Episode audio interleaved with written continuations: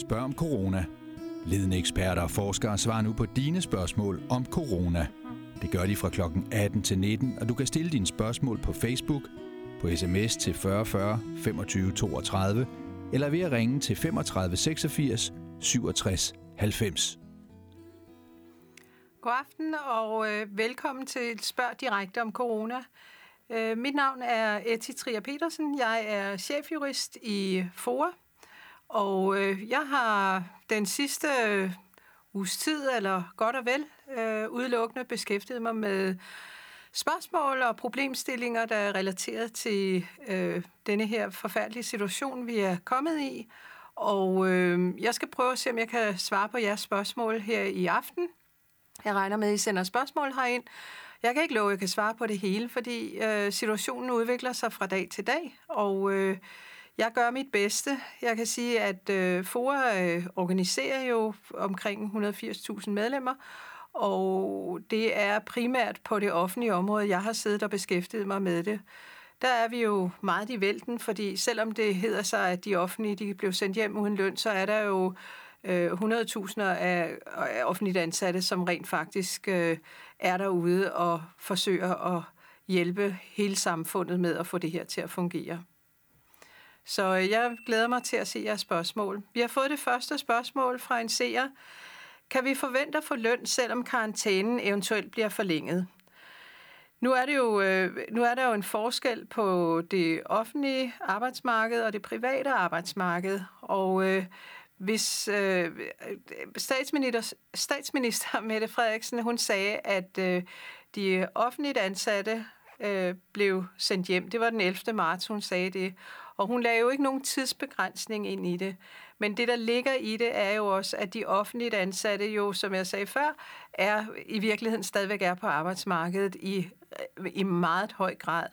Og, øh, og det vi drøfter med arbejdsgiverne, altså de kommunale arbejdsgiver og de regionale arbejdsgiver, altså dem, der driver kommunerne og, og dem, der driver sygehusene, der drøfter vi på nuværende tidspunkt, øh, om man kan kan man sige, skifte, skifte arbejdsområde. Altså hvis nu man er ansat som for eksempel dagplejer, og man har en, øh, en uddannelse som øh, sosu-hjælper, for at give et eksempel, kunne man så forestille sig, at man skifter øh, ansættelsen ud, fordi man ikke på nuværende tidspunkt har børn, man skal passe, at man så går over og øh, yder arbejdskraft i, øh, inden for sosu-sektoren.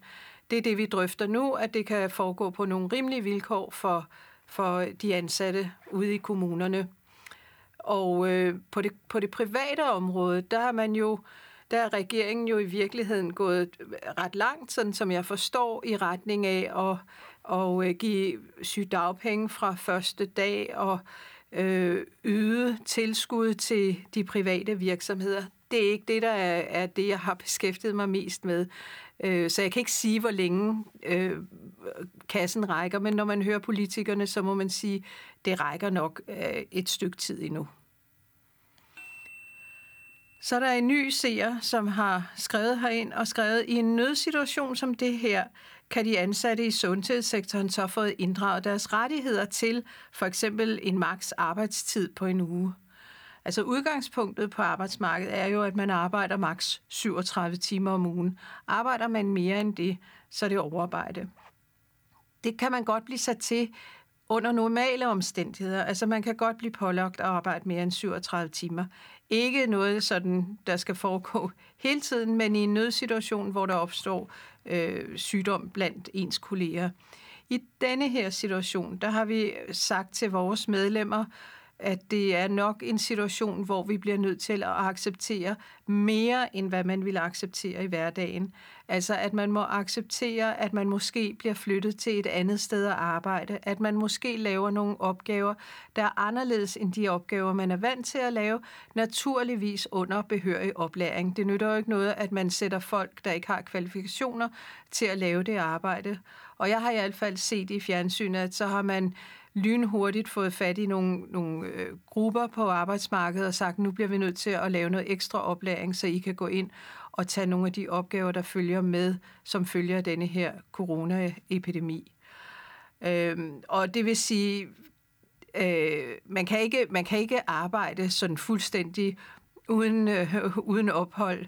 Der er nogle øh, arbejdsmiljøregler, der gælder på, øh, på arbejdsmarkedet, men der har arbejdstilsynet nu været det inde og dispenseret fra det, vi kalder 11-timers-reglen, sådan så man kan nøjes med at have 8 timer øh, mellem sine vagter, og man har dispenseret for det ugentlige fridøgn. Det betyder ikke, at man kan gøre det til tid og evighed. Det kan man gøre i en periode, og så skal arbejdsgiverne stadig sørge for, at de ansatte, altså deres arbejdsmiljø, er sundhedsmæssigt sikkert og forsvarligt. Det næste spørgsmål, der bliver stillet, det er, findes der tal på, hvor stor en del af staten, der er sendt hjem med løn? Hvor mange stillinger betegnes som kritiske? Præcis det spørgsmål om, hvad der er kritisk, øh, har jeg, er der udsendt en øh, vejledning om, og det vil jeg sige, i det hele taget, så kan man jo gå ind og kigge på coronasmitte.dk, hvor der ligger rigtig, rigtig, rigtig mange oplysninger, øh, som man kan orientere sig i, og der er rigtig, rigtig mange oplysninger. Øh, jeg, kan ikke sige, jeg kan ikke sige præcis, hvor stor en del af statens ansatte, der er sendt hjem, men jeg kan sige, at jeg personligt kender nogle af de ansatte, der er sendt hjem fra statens område. Og de sidder jo så hjemmefra og arbejder, så det er jo ikke, det er jo ikke ens betydende med, at man er sendt hjem, at man så ikke kan arbejde. Jeg kender, jeg har en veninde, der arbejder i Skatteministeriet, og hun arbejder hjemmefra. Det kan man jo i dag, fordi man har øh, mulighed for at gå på sin, sin arbejdsplads hjemmefra via computeren. Øhm, så, så i virkeligheden så er der mange af dem, der ikke har de kritiske opgaver, som også arbejder. De kritiske opgaver er jo øh, øh, i hvert fald politiet, som har rigtig mange opgaver her. Og så på det kommunale område har vi jo alle beredskaberne, og, og også på det regionale område. Så øh, altså, der er jo store dele af samfundet, der viser sig i virkeligheden at være kritiske, men jeg kan ikke sætte et, et egentligt tal på. Så er der en øh, seer, der spørger, hvad er mine muligheder, hvis jeg er uenig med min arbejdsgiver i, at jeg skal møde og udsættes for smitte? Det er et spørgsmål, vi har fået rigtig, rigtig mange gange, fordi denne her situation har skabt så stor usikkerhed, øh, altså i befolkningen generelt, men også blandt de ansatte, fordi de ansatte jo hele tiden skal i kontakt med borgere, i hvert fald når vi snakker om, om specielt vores sociopersonale, men også personalet på det pædagogiske område. Og der er vores, øh, der er vores svar til dem, at hvis man er bekymret, så er det en rigtig, rigtig god idé at snakke med sin leder om det. Men man kan ikke blive hjemme og sige, jeg er bange for at gå på arbejde, så nu vil jeg ikke gå på arbejde. Så vil det være en misligeholdelse af ens ansættelsesforhold. Det er ikke nogen særlig god idé. Der er så en gruppe af medarbejdere, som er særligt udsatte. Det har Sundhedsstyrelsen skrevet en vejledning om. Det er for eksempel gravide, og det er ikke fordi, at man ved, at gravide er øh, en, en risikogruppe, men ud fra et forsigtighedsprincip har man valgt at sige, at alle gravide bliver betragtet som omfattet af risikogruppen. Det er for eksempel borgere, som har en øh, kronisk obstruktiv lungesygdom, øh, altså en kold, og det kan være andre, det kan være diabetes. Der er, der, der er opregnet en række sundhedstilstande.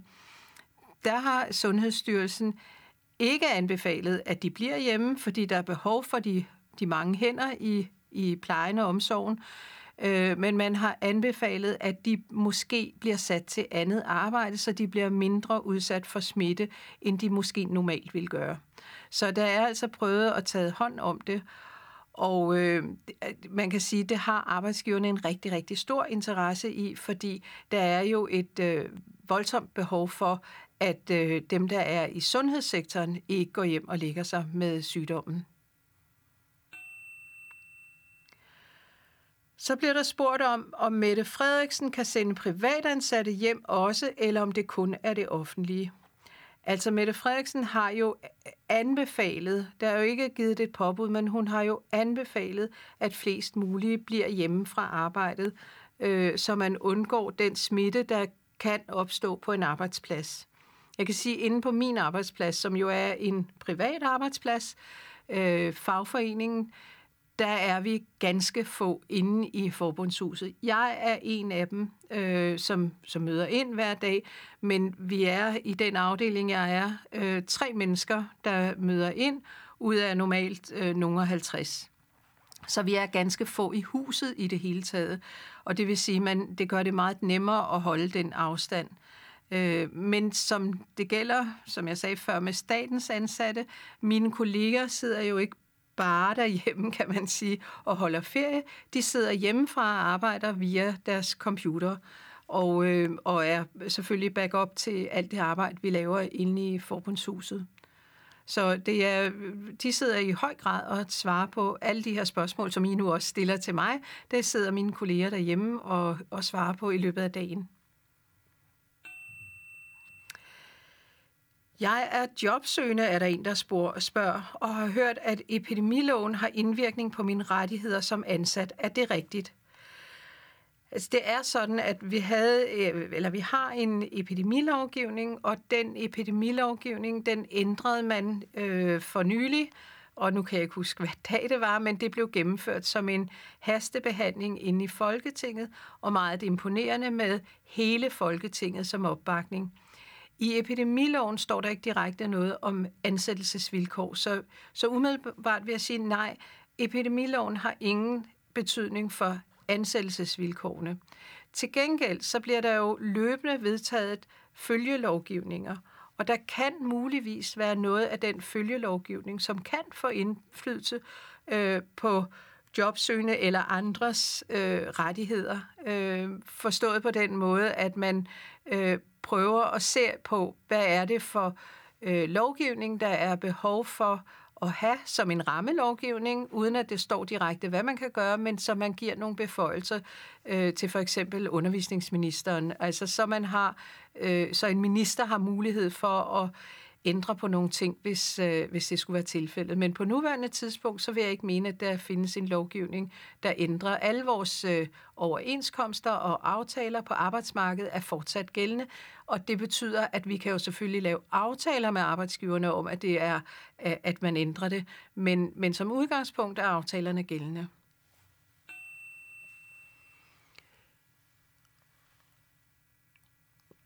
Jeg bliver nu spurgt om, har jeg ret til risikotillæg, hvis jeg arbejder med nødpasning af børn? Øhm, nu vil jeg sige, nu øh, er FOA jo en organisation, som, øh, som organiserer, og, og det vil sige indgår overenskomster for det personale, der passer børn. Øh, det gør vi sammen med BUPL, og jeg ved i hvert fald, at på vores område har vi ikke nogen risikotillæg. Øh, nødpasningen er jo ud fra en betragtning om, at øh, de, der, de, de, der har de, der har behov for at gå på arbejde, altså de, der er i sundheds- og ældresektoren, og de, der i øvrigt ikke kan få passet deres børn, altså på det private arbejdsmarked, som er blevet kaldt på arbejdet, de skal have mulighed for fortsat at få passet deres børn.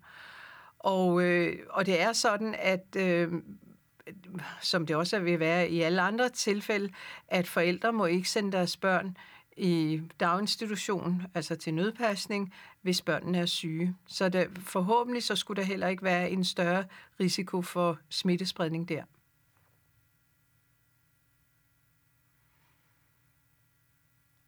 Så skal vi se, så er der en seer, der har skrevet, kan min arbejdsgiver tvinge mig til at bruge min afspacering i lukkeperioden?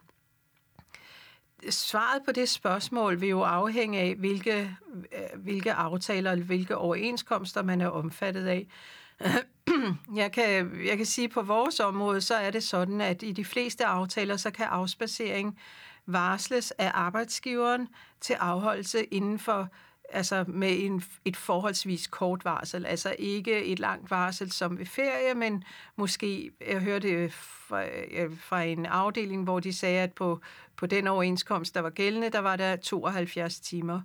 Og det vil være min opfattelse, at så kan, man bruge, så kan arbejdsgiver godt varsle, at man bruger sin afspacering til det. Der kan naturligvis være nogle særlige forhold på dele af arbejdsmarkedet, hvor noget andet gør sig gældende, hvis man har nogle særlige aftaler om, om afspaceringen. Men man må nok sige, at denne her situation er særdeles ekstraordinær, og derfor må man også i et eller andet omfang øh, forvente, at der sker noget ekstraordinært. Der har været, øh, der har været et hvor nogen har sagt, at det har været lidt øh, øh, uretfærdigt, fordi nogen blev sendt hjem, og, og, og så var der nogen, der skulle bruge afspacering. Og så har jeg sagt, jamen, så prøv at tænke på alle de mennesker, der knokler en vis lægemsdel ud af bukserne for at, at få tingene til at hænge sammen. Jeg tror, at alle sammen bliver nødt til at bidrage til det her.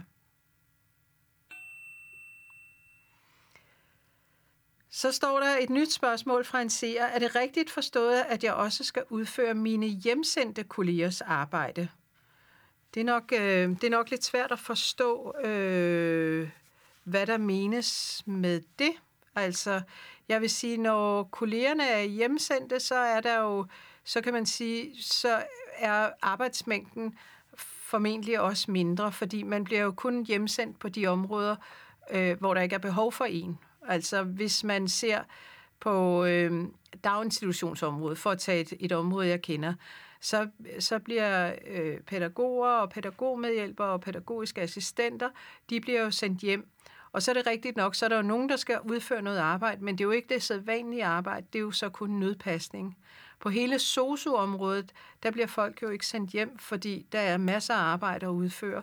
Og, og derfor så har jeg det svært ved at forestille mig, at man øh, er kollega til en, øh, til en hjemsendt, og der så vil være ekstra arbejde til den kollega, der måtte være tilbage på arbejdspladsen. Det kunne jeg næsten ikke forestille mig.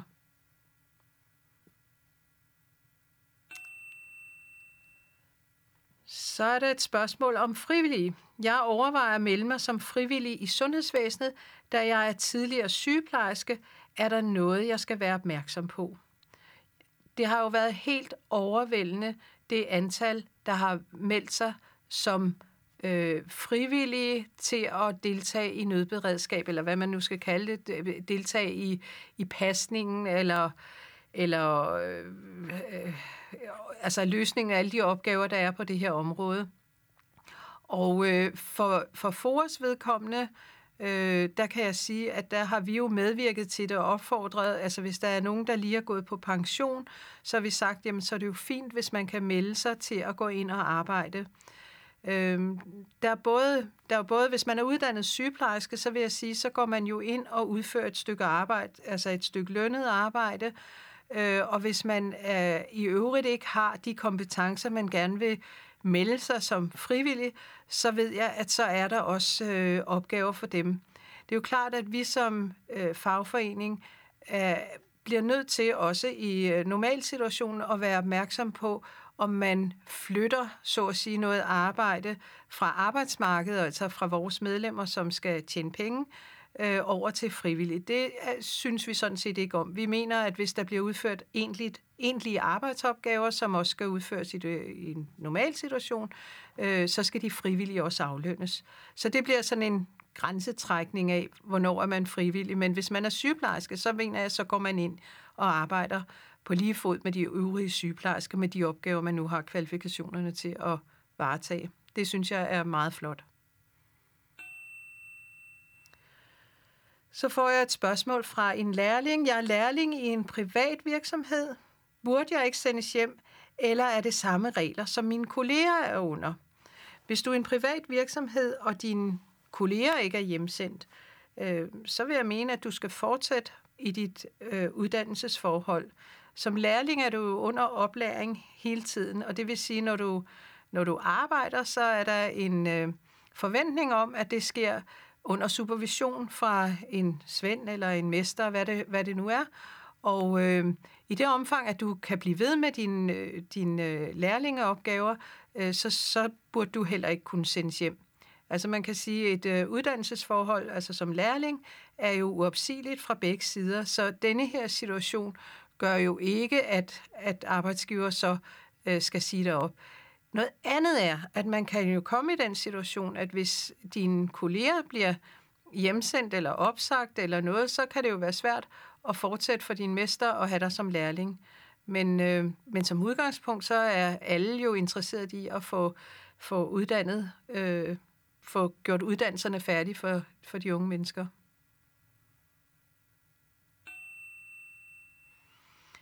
Så får jeg et feriespørgsmål. Det har været et af dem, der har fyldt rigtig meget ind hos os også. Jeg har skemalagt ferie om to uger. Kan jeg afmelde den og arbejde i stedet for? Altså, det har, det har som sagt været mange spørgsmål til ferie, og man kan ikke selv... Altså, hvis man først har fastlagt ferien, hvis man har aftalt en ferie, så, er der, så kan hverken arbejdsgiver eller lønmodtager som udgangspunkt ændre på den ferie. Men man kan jo altid aftale noget andet, hvis parterne er enige. Så hvis du ønsker at afmelde din ferie, og din arbejdsgiver har brug for din arbejdskraft, så vil det jo være rigtig fornuftigt, at I indgår en aftale om, at ferien så kan udskydes til afholdelse på et senere tidspunkt. Øh, det tror jeg også sker i vidt omfang.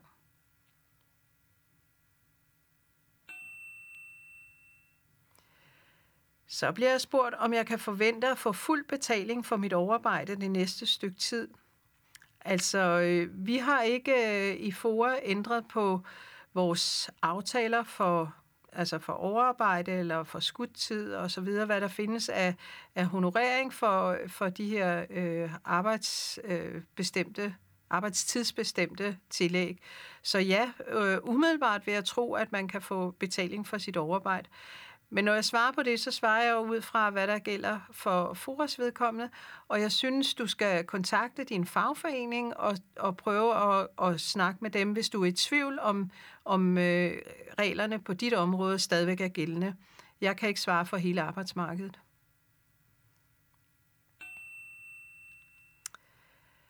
Så bliver jeg spurgt om, et, øh, om hvordan jeg passer mine børn, når jeg arbejder hjemme.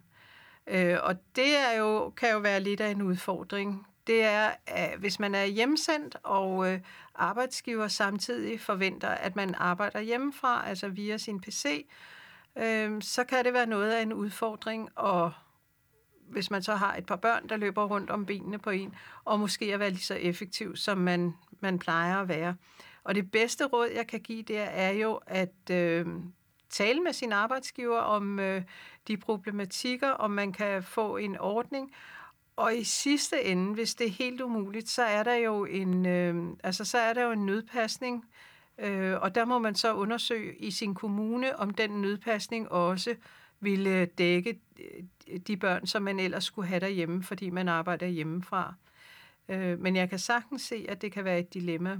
Inden på min arbejdsplads, der er vi meget opmærksom på de kolleger, som har små børn derhjemme, og derfor måske øh, en gang imellem lige skal en tur på legepladsen, eller skal gøre et eller andet for, at børnene bliver aktiveret også.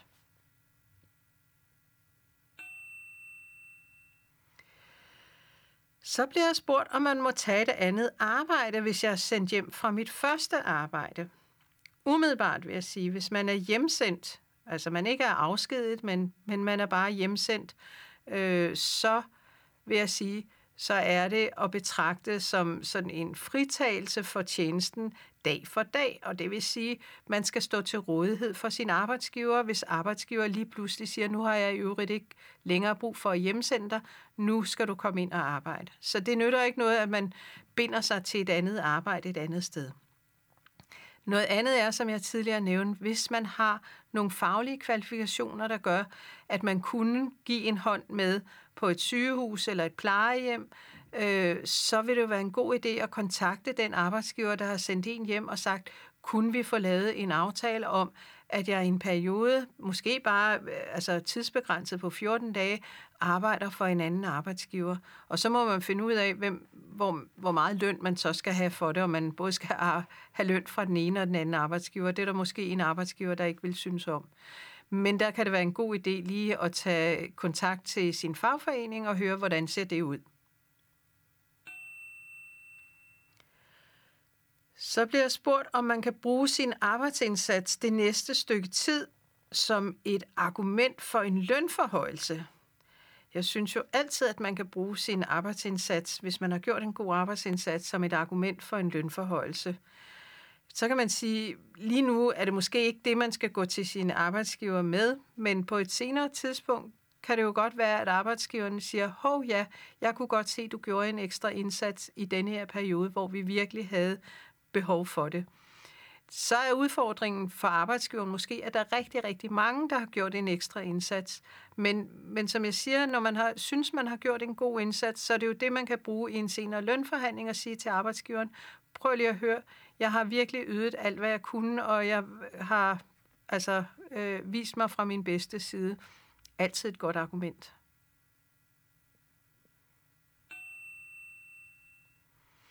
Der er en seer her, hun skriver, eller han, jeg arbejder på et plejehjem og er meget nervøs for at sprede smitte uden at vide det. Kan jeg tillade mig at blive hjemme uden at miste mit arbejde? Det bliver jeg nødt til at sige nej til. Det kan man ikke. Det var det samme, jeg sagde tidligere. Hvis man selv er i risiko for at blive øh, smittet, altså hvis man selv er i en risikogruppe, vil jeg sige, og derfor øh, vil have risiko for at blive mere syg, hvis man bliver øh, smittet med corona, øh, så bør arbejdsgiveren tage hensyn til det. Men den nervøsitet, som mange af os har øh, for at blive smittet, øh, det er ikke et argument for ikke at møde på arbejdet så må man tale med sin arbejdsgiver og måske sin arbejdsmiljørepræsentant om, hvad kan, der gøre for, hvad kan man gøre for at undgå smitten. Hold afstand, brug, øh, brug håndsprit, vask hænder, og, og i virkeligheden, hvis man arbejder et sted, hvor man har behov for værnemidler, så kan man også undersøge, hvad er det for værnemidler, man anbefaler på denne her arbejdsplads. Jeg kan ikke, øh, jeg kan ikke redegøre nærmere for værnemidlerne, fordi det er jo en, det er et kapitel for sig, og værnemidlerne er jo vigtige at holde til de, øh, altså til de områder, hvor det er øh, strengt nødvendigt. Øh, så der ved jeg, at øh, Styrelsen for Patientsikkerhed også har udgivet en vejledning. Det er igen, gå ind og kig på coronasmitte.dk, så kan det være, at du bliver klogere på, hvilke værnemidler man eventuelt kunne foreslå sine arbejdsgiver, man kunne bruge.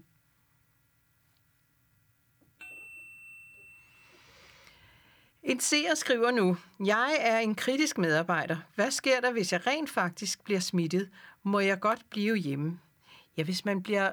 Hvis man, jeg ved ikke, om en kritisk medarbejder er en medarbejder, der er svær at undvære. Det, det er sådan, jeg vælger at opfatte det. Altså en, der arbejder på et af de kritiske områder.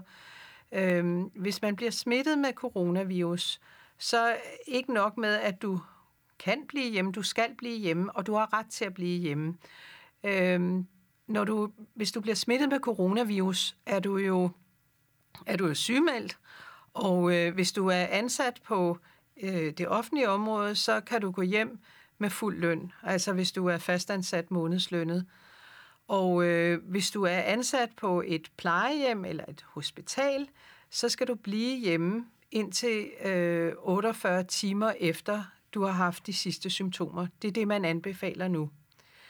Hvis man er i tvivl, om man er blevet smittet, altså hvis man er øh, har lidt ondt i halsen, måske lidt hoste, men ikke ved, altså ikke tror, at man har været udsat for noget, men man er alligevel lidt usikker, så har man øh, også udsendt en vejledning, jeg tror det er Styrelsen for Patientsikkerhed, har udsendt en vejledning om, at øh, de her medarbejdere, der arbejder på de kritiske områder, kan øh, kontakte deres arbejdsgiver, så må man foretage en vurdering, om man kan få en undersøgelse af, om man er, har været udsat for smitte.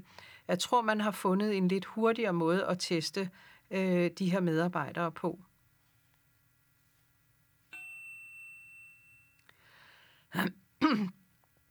Så er der øh, en, der har ferie, og det, jeg forstår det sådan, at, øh, at seeren har ferie på nuværende tidspunkt. Og så er kollegerne blevet sendt hjem Øh, og nu spørger denne her kollega, der har ferie, kan jeg afbryde min ferie, så jeg ikke går glip af mine fridage? Og det er jo, jeg forstår lidt fridage som øh, de dage, hvor kollegerne er hjemsendt. Og nej, det kan man ikke. Altså hvis man har, hvis man er påbegyndt på sin ferie, så kan arbejdsgiver faktisk heller ikke afbryde ferien. Øh, man kan selvfølgelig godt, hvis man arbejder på et område, hvor der mangler arbejdskraft, så kan man jo godt nede fra sin, øh, sin sommerhus, eller hvad, hvad det er, ringe ind til sin arbejdsgiver og sige, er I interesseret i, at, at jeg afbryder min ferie og kommer på arbejde i stedet for? Så kan man lave en aftale om det. Men umiddelbart så vil jeg sige, hvis det er for at blive hjemsendt i stedet for at, at holde resten af sin ferie, øh, så vil jeg sige nej, det er der ikke umiddelbart nogen adgang til. Men, men ring til arbejdsgiveren og spørg, om det kan lade sig gøre.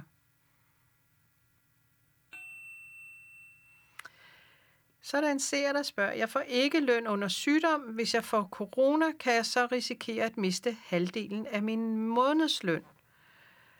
Jeg opfatter det sådan, at den øh, ansættelse, seeren har, er øh, sådan, at man kun får sygdagpenge måske.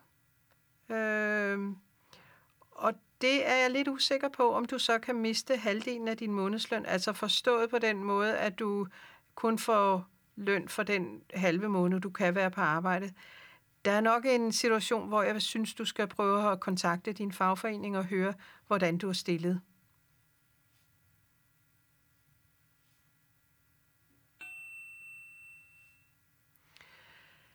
Så er der et spørgsmål. Optjener man stadig feriepenge, selvom man er hjemsendt?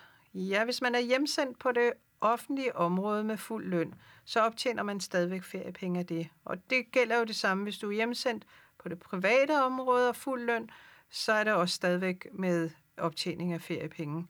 Øhm, jeg kan ikke se, at der skulle være noget problem i det. Men jeg siger, jeg svarer spørgsmålene ud fra den viden, der er på nuværende tidspunkt. Det er svært at vide, hvordan det kommer til at se ud om 14 dage eller en måned måske.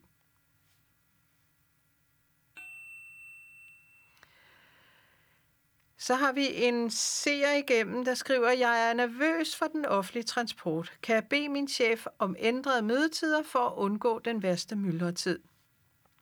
Ja, det har jo været et, øh, det har været et issue i hvert fald, at man på et tidspunkt for at undgå for meget kontakt med andre mennesker, opfordrede til, at man undgik øh, offentlig transport i vidt omfang, undgik myldretiden og så videre. Og der var også øh, straks nogen, der begyndte at møde tidligere, og nogen mødte senere. Så blev der myldretid på nogle andre tidspunkter måske.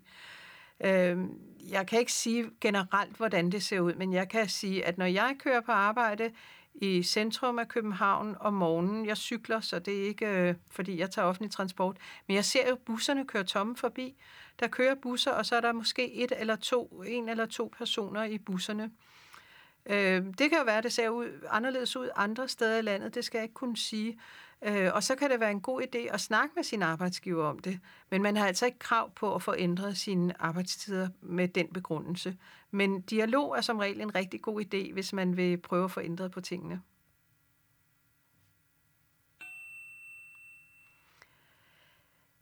Så er der en, der spørger, kan min chef godt sige, at vi kollegaer skal samles mere end 10, nu hvor statsministeren har forbudt det? Det var et vanskeligt spørgsmål. Altså, øh, umiddelbart så vil jeg mene, at det her forsamlingsforbud øh, gælder, uanset om man er ude eller inde. Så kan man jo så selvfølgelig sige, at det gælder jo ikke fuldstændig undtagelsesfrit, fordi hvis man er på et sygehus for eksempel, så kan man jo hurtigt være 10, øh, hvis der skal være en operation eller noget andet. Så øh, jeg vil sige, hvis ikke det er nødvendigt, at man samles 10, så kan det godt være, at man skal gøre chefen opmærksom på, at det nok var en god idé at, øh, at prøve at nedskalere deltagelsen i mødet, eller også sørge for at være et sted, altså et så stort sted, finde et, et stort mødelokale, så man kan sidde med de her par meter imellem sig. Det vil være umiddelbart min opfattelse, at det var den måde, man kunne løse øh, øh, spørgsmålet på. En ny lytter spørger, eller en ny seer spørger, kan jeg blive fyret, hvis jeg synes, der er risiko ved at deltage i den morgenbrødsordning, vi har på mit arbejde?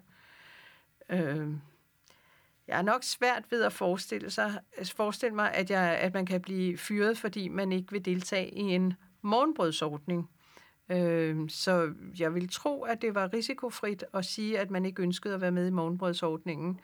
Øh, og man kan sige, at det er måske en meget god idé at sende, sætte morgenbrødsordningen på standby i en periode som denne her, øh, hvor det netop er øh, afgørende, at man ikke kommer i for tæt kontakt med andre, og at man ikke, var lige ved at sige, får overført noget smitte via med. Øh, så øh, det kan også være, det er det, man skulle tage en dialog om på arbejdspladsen.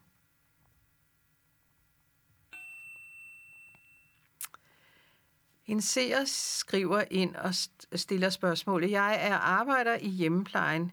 Kan jeg være tvunget til at besøge en borger, som jeg mistænker for at være smittet? Altså hvis, hvis der er en kan man sige, en særlig begrundet mistanke af en eller anden årsag, så øh, vil jeg mene, at du skal gå til din leder og, og, og indvide din leder i denne her mistanke, fordi så kan man tage i sine forholds, forholdsregler med værnemidler. Men hvis, øh, hvis din mistanke mere er sådan en generel øh, utryghed ved, at der, er, at der kan være smitte, så vil jeg sige, så, så skal man, man skal jo ud og, og, og øh, deltage i plejen ude i hjemplejen. Og hvis, øh, altså, så må man gå ud fra, at din leder sørger for de værnemidler, der er øh, anbefalet til, til plejen i hjemmeplejen.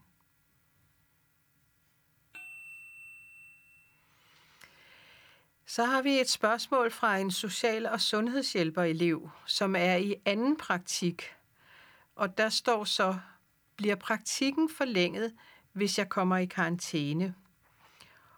Og altså karantæne forstår jeg sådan, at du kommer i karantæne, fordi du har været syg med covid-19, og derefter skal være hjemme i hvert fald 48 timer efter. Og man kan sige, øh, en uddannelsesaftale som social- og sundhedshjælperelev kan jo forlænges, hvis man har, og nu kan jeg ikke huske det i hovedet, men jeg tror, det er mere end 10 procent sygefravær øh, under sin uddannelse. Øh, jeg vil anbefale dig at snakke med din fagforening om, hvordan du er stillet. Umiddelbart vil jeg sige, at en øh, smitte med øh, coronavirus ikke i sig selv ville betyde, at din uddannelsesaftale skulle forlænges. Jeg kan sige, når nu jeg har med eleverne at gøre, så har der jo været drøftelser om, om eleverne, om, øh, om de kunne øh, deltage i praktikken i højere grad, altså deltage i det arbejde, der er ude på plejehjem eller på sygehuse, hvor det nu er, øh, i, altså når, også når de er i skoleperioder. Og det har der været en kontakt til undervisningsministeriet om, og der har været en enighed om, at, der kunne, at det kunne være hensigtsmæssigt, at eleverne uden at deres uddannelsesaftale bliver ændret, og uden at de skal forlænges. Måske kunne man omlægge deres uddannelse, så, så, der, blev, så der lige i denne her periode blev flere hænder ude på arbejdspladsen. Men det er bestemt noget, jeg synes, du skal snakke med din øh, fagforening om.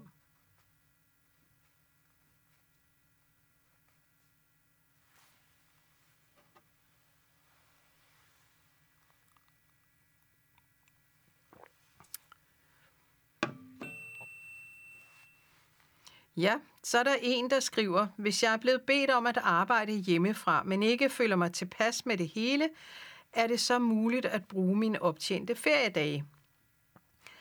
Altså, det kan jeg jo, jeg kan ikke svare, men det kan nok være i, i denne her situation, øh, kan det måske være en meget god idé at spørge øh, sin arbejdsgiver, om man kan bruge sine feriedage. Altså man kan sige, at ferie skal jo som udgangspunkt, når vi snakker restferie, som det, det er det, vi har nu, der skal man som udgangspunkt øh, fra arbejdsgivers side varsle det med en måned.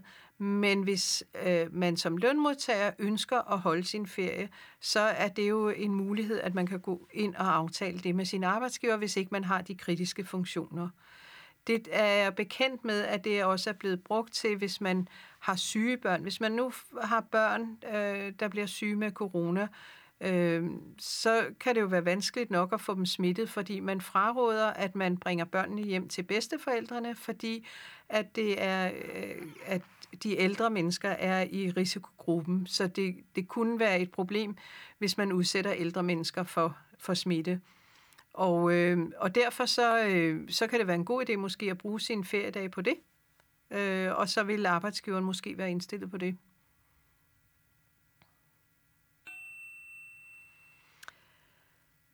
Så er der en øh, seer, der skriver, at øh, han eller hun har 50% nedsat lungefunktion. Øh, hvis man har det, og man er i øh, hjemmeplejen eller i øh, på sygehus, altså i en af de kritiske øh, plejefunktioner, så vil jeg øh, mene, at man er omfattet af denne her vejledning, man har øh, om særligt udsatte medarbejdere. Og så øh, ved jeg, at både KL, altså Kommunernes Landsforening og regionerne, har tilkendegivet, at man er enig i, at man skal passe på medarbejderne, og der står et sted, at øh, i Sundhedsstyrelsens vejledning, eller det er Patientsikkerhedsstyrelsens vejledning, at, øh, at medarbejdernes sundhed og sikkerhed øh, vejer højere end hensynet til at få udført arbejdet. Det betyder, at man skal udvise behørigt hensyn til de, der har øh, er i en særlig risikogruppe. En seer arbejder i nødbørnehave. Kan jeg blive fyret for ikke at ture og komme på arbejde? Ja, det er et svært spørgsmål, fordi at det er jo en øh, bekymring, som alle har, og de færreste ønsker at blive, øh, blive smittet med corona. Men, men man kan sige, man kan ikke bare blive hjemme fra arbejdet. Hvis man har nogle særlige forhold, der gør, at man kunne være særligt udsat, så kunne det være en, en fordel, at man går til sin læge. Man skal ikke gå til sin læge, man skal nok lige ringe til lægen først og se, om man kan, kan få en tid hos lægen. Øhm, men, men at sige til sin leder, at man tør ikke at komme på arbejdet, øhm, det vil jeg ikke anbefale. Men i, i denne her situation vil jeg igen sige, øh, det vil være en god idé at tage en kontakt til sin fagforening, som så kan hjælpe en. Hm.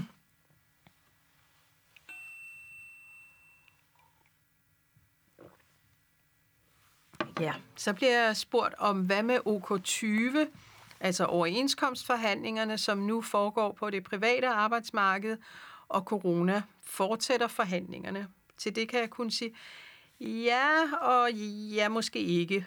Og jeg har ikke det fulde overblik, for jeg har været så optaget af at svare på alle mulige andre spørgsmål. Men jeg ved, at vi i dag lavede en aftale om, at nogle forhandlinger blev udskudt i den nuværende situation til starten af maj. Så det er altså et område, hvor vi ikke har indgået en aftale, og hvor vi har sagt, det her det er ikke det samme som, at vi går i konflikt, men det er bare en aftale om, at vi øh, udskyder forhandlingerne og genoptager den, og håber, at vi er kommet til en, øh, til, frem til en aftale i, i starten af maj måned. Så øh, jeg kan ikke svare 100% på alle, øh, alle områder, men øh, gå ind og google og se, hvor langt de forskellige områder er kommet.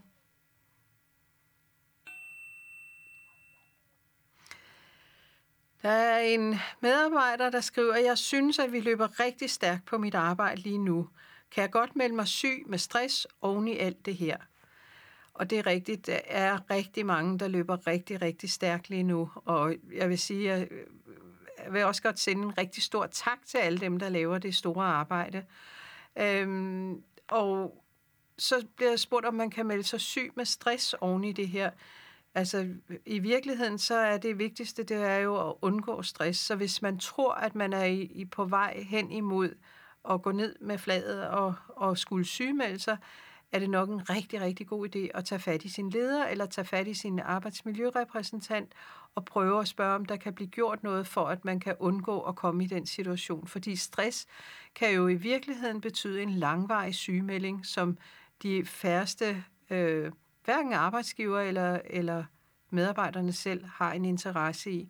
Så hvis man kan mærke, at det her det bliver simpelthen for meget for mig, så synes jeg, man skal prøve at tage fat i ledelsen og tage fat i sin arbejdsmiljørepræsentant.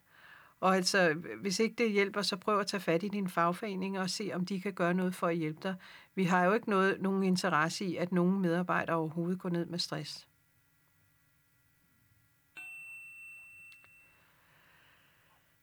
Så er der en, der spørger, kan jeg blive tvunget til at bruge min restferie og eventuelt ferie, jeg først optjener efter 1. maj, hvis jeg ikke kan møde op på, på mit arbejde. Altså, nu går jeg ud fra, at det er nogle, nogle forhold, altså at den, der spørger, ikke er syg eller noget, men at der er nogle forhold måske på hjemmefronten, som gør, at man har et behov for at blive hjemme. Øhm, og, og, og jeg kan ikke... Øh, jeg, jeg har svært ved helt at forstå det, fordi Øh, det, første spørgsmål er, om man kan blive tvunget til at bruge sin restferie. Det svarer jeg så først på. Restferie skal som udgangspunkt varsles med en måned. Så er der jo i vores ferielov og i de ferieaftaler, der gælder på det område, jeg repræsenterer, øh, mulighed for, at der kan være nogle særlige omstændigheder øh, til, at man kan give et kortere varsel. Lige præcis den del har vi været inde og, og undersøge nærmere. Og der skal være nogle helt særlige forhold, der gør, at man kan varsle øh, restferien med et, et kortere varsel. Øh, så umiddelbart vil jeg sige, nej, så kan man ikke blive tvunget til at bruge sin restferie. Men hvis det er fordi, man ikke ønsker at møde op på sit arbejde, fordi man har nogle forhold på hjemmefronten, der gør, at man gerne vil blive der, øh, så vil jeg sige, så kan det jo godt være det, der tvinger en til. Så kan arbejdsgiveren sige, at hvis du skal blive hjemme, så må du bruge din restferie. På den måde kan man godt blive tvunget til det, og så kan det måske være en god løsning for en. Med hensyn til spørgsmålet øh, på det ferie, der, øh, nu står der optjener, men hvis jeg siger, at det ferie, man kan, øh, der kommer til øh, kan man sige, bliver udløst 1. maj, det kan man ikke bruge på nuværende tidspunkt. Man har, øh, vi er stadigvæk i den gamle ferieordning, altså hvor man har optjent ret til øh, ferie i, øh, i optjeningsåret 2019. Der optjente man ferie fra 1. januar til 31. august til afholdelse fra 1. maj 2020. Og det er det, vi går ind i nu, det er det, vi kalder et miniferieår. Altså, at man kun holder ferie øh, efter den gamle ordning frem til den 31. august i år. Øh, men man kan altså først bruge den ferie, man har optjent 1. maj. Den kan man først bruge efter 1. maj.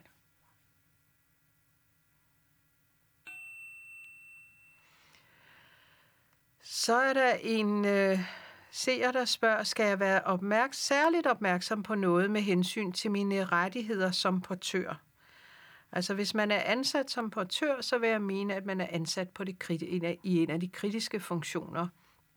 Og så kan man sige, man har jo rettigheder efter vores øh, arbejdstidsaftaler og overenskomster, og det har jeg sagt tidligere, som udgangspunkt så gælder de stadigvæk. Men der er nok, det er nok sådan, at vi fra FORs side er indstillet på, at, øh, at vores medlemmer kan udvise større fleksibilitet. Ikke at man ikke skal have honorering efter øh, reglerne, men det var også det, jeg nævnte tidligere. Arbejdstilsynet har også dispenseret fra øh, de arbejdstidsregler, der gælder, altså 11-timers-reglen og reglerne om øh, et ugenligt fridøgn. Og, øh, og det er, fordi situationen lige nu tilsiger det. Så det kan godt være, at man ikke skal stå helt fast på sine rettigheder, men være opmærksom på, hvis man får ændret noget, så gem dokumentationen for det, der er blevet ændret, for det kan være, at der skal noget honorering, som skal ske efterfølgende. Og så kan det være meget godt at kunne huske, hvad var det, der blev ændret, og hvordan blev det ændret.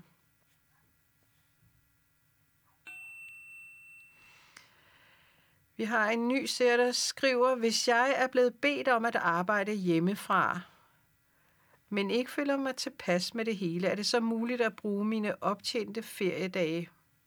Umiddelbart ligner det et spørgsmål, jeg har haft tidligere, men jeg vil sige ja, hvis, øh, hvis, ikke man, øh, hvis ikke man føler sig tilpas med at arbejde hjemmefra, så vil jeg sige, og man har noget restferie, så vil jeg sige, at det var en rigtig, rigtig god idé at spørge sin arbejdsgiver, om det var muligt at bruge sine optjente feriedage. Men man bliver nødt til at spørge om det, for man kan jo ikke komme og forlange at holde ferie, hvis nu arbejdsgiver siger, at det er helt vitalt, at vi har dig på arbejdet. Jeg kan tage et eksempel fra min egen verden. Mine kolleger, der er rigtig mange af dem, der sidder derhjemme og besvarer spørgsmål fra medlemmerne på samme måde, som jeg sidder og, svarer spørgsmål nu. Og det vil nok være lidt problematisk, hvis de kom og sagde, nu vil vi gerne holde noget ferie fordi det vil, være, øh, det vil være en arbejdskraft, som vi har i høj grad har behov for nu. Selvom man kan sige, at vores, vores arbejde er jo ikke en af de kritiske funktioner, men, men det er jo kritisk i forhold til, at vores medlemmer meget gerne vil have svar på alle de her spørgsmål.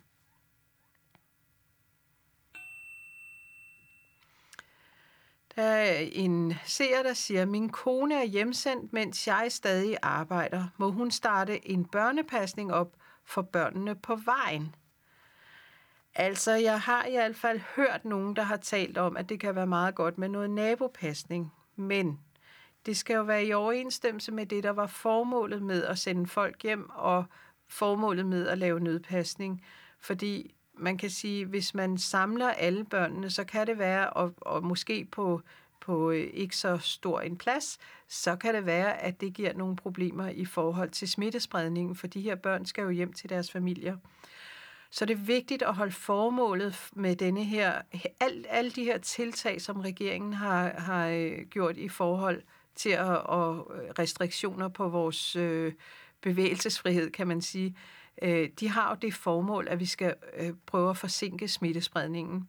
Og det vil sige, at børnepasningen kunne måske være en god idé, hvis man er derhjemme, og man ved, at nogle af naboerne har børn hjemme, at man så siger, man, okay, så tager vi øh, nogle af børnene med på legepladsen, eller ud og gå en tur, hvad man nu kunne finde på.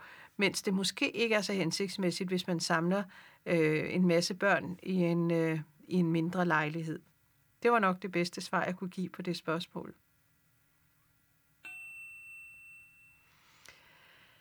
Og en seer spørger så, hvad er mine rettigheder, hvis min arbejdsplads løber tør for smitteregulerende midler, håndsprit, masker osv.? Altså, det, det er jo igen rigtig, rigtig svært at svare på. Der har jo været de her øh, rigtig, rigtig kedelige episoder, hvor øh, der har været øh, folk inde på hospitaler og på plejehjem og, øh, og stjæle masker og håndsprit osv. Og, så videre. og det er jo øh, en, et meget kedelig, en meget kedelig øh, øh, ja, meget kedeligt træk ved, ved øh, de mennesker, der har gjort det. Præcis hvad der sker, hvis man, hvis man løber tør for det, det tør jeg jo ikke sige.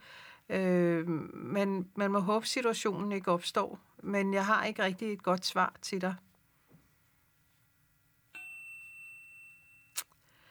Så er der en, der skriver, min arbejdsgiver skriver, at vi ikke må ses med andre privat. Må han godt bestemme det? Nej, man kan sige, at arbejdsgiveren kan jo ikke bestemme, hvad du laver privat, men i virkeligheden, så kan man sige, så er det jo øh, måske statsministeren, øh, det er måske bare en, en gentagelse af, hvad statsministeren og, og måske også, hvad vores dronning har sagt til os, nemlig, at det er, er vigtigt, at man overholder de her spilleregler, som er givet nu. Øh, og det kan godt være, at man synes, det er lidt kedeligt, men men det er jo sådan, vi har jo alle sammen været nødt til at aflyse nogle af de ting, nogle af de sociale ting, som vi så godt kan lide, øh, for at efterkomme øh, de, de opfordringer, der er kommet øh, indtil nu. Og øh, altså, det gælder jo os alle sammen. Så hvis man skal se venner, jeg tror, jeg tror, der er, jeg tror også Søren Brostrøm eller en anden af, af de officielle øh, Danmark har svaret på det her, at man kan måske godt ses med en af sine venner, øh, og så skal man huske, så kan man måske gå en tur med denne her ven, eller man kan bare huske at holde behørigt afstand, og huske at spritte hænder, og huske at vaske hænder osv., øh, hvis ikke det kan være anderledes. Øh, men omvendt, så kan man sige, så må man også spørge sig selv, er det virkeligheden nødvendigt at ses med de her venner? Og navnlig så skal man også tage hensyn til, at man til synladende ikke på nuværende tidspunkt ved, og man kan være smittebærer uden selv at vide det. Og øh, så skal man jo tage hensyn til, hvis, hvis de personer, man havde tænkt sig at besøge, kunne være i risikogruppen. Altså hvis det er ældre mennesker, hvis det er gravide, eller det er øh, folk med diabetes eller kold, så skal man også tage hensyn til det.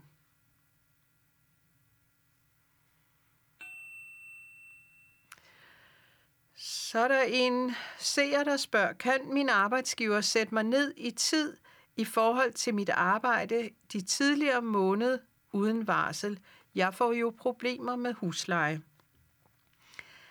Altså, det kommer jo an på, hvordan man er ansat. Umiddelbart så siger reglerne, hvis man er ansat som funktionær, altså på månedsløn og så videre, så har man jo et opsigelsesvarsel. Så hvis man bliver sat ned i tid, så har man, øh, så har man krav på at få et varsel for, øh, hvornår man bliver sat ned i tid.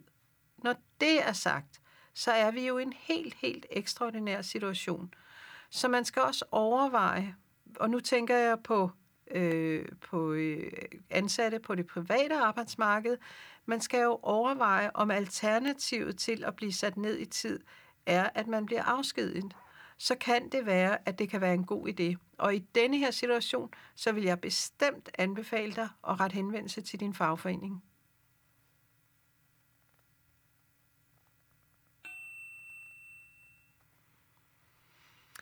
Der er en seer her, der har spurgt, må jeg gå til læge i arbejdstiden og blive tjekket for corona? Altså, et, jeg tror nok, at lægerne har anbefalet, at man ringer og ikke går til lægen, hvis man tror, man har corona.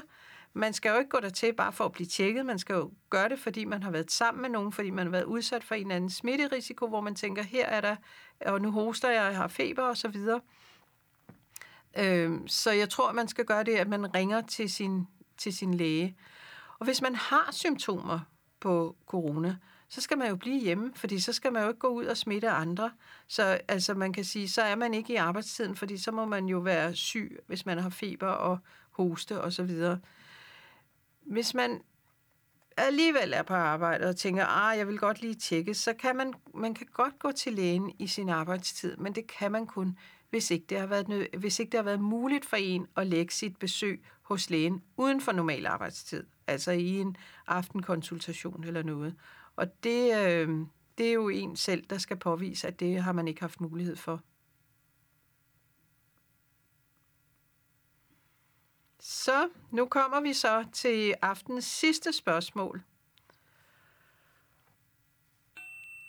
Og det sidste spørgsmål, det er en seer, der skriver, Min datter er malerlærling og har det dårligt med stadig at møde på arbejdet i private hjem. Hvordan er hun stillet, hvis hun bliver hjemme?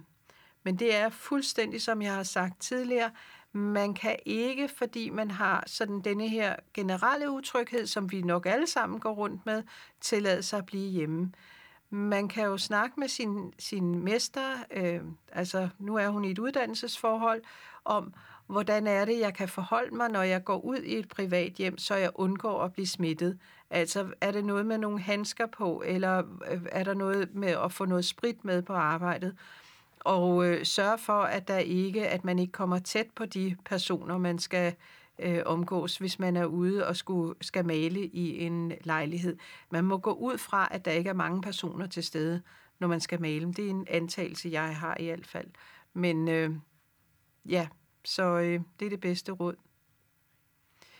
Så jeg vil sige, øh, tak for i aften. Det var øh, nogle spændende spørgsmål, I har sendt ind, og pas godt på jer selv. Husk at holde afstand, husk at vaske hænder, og brug godt med håndsprit.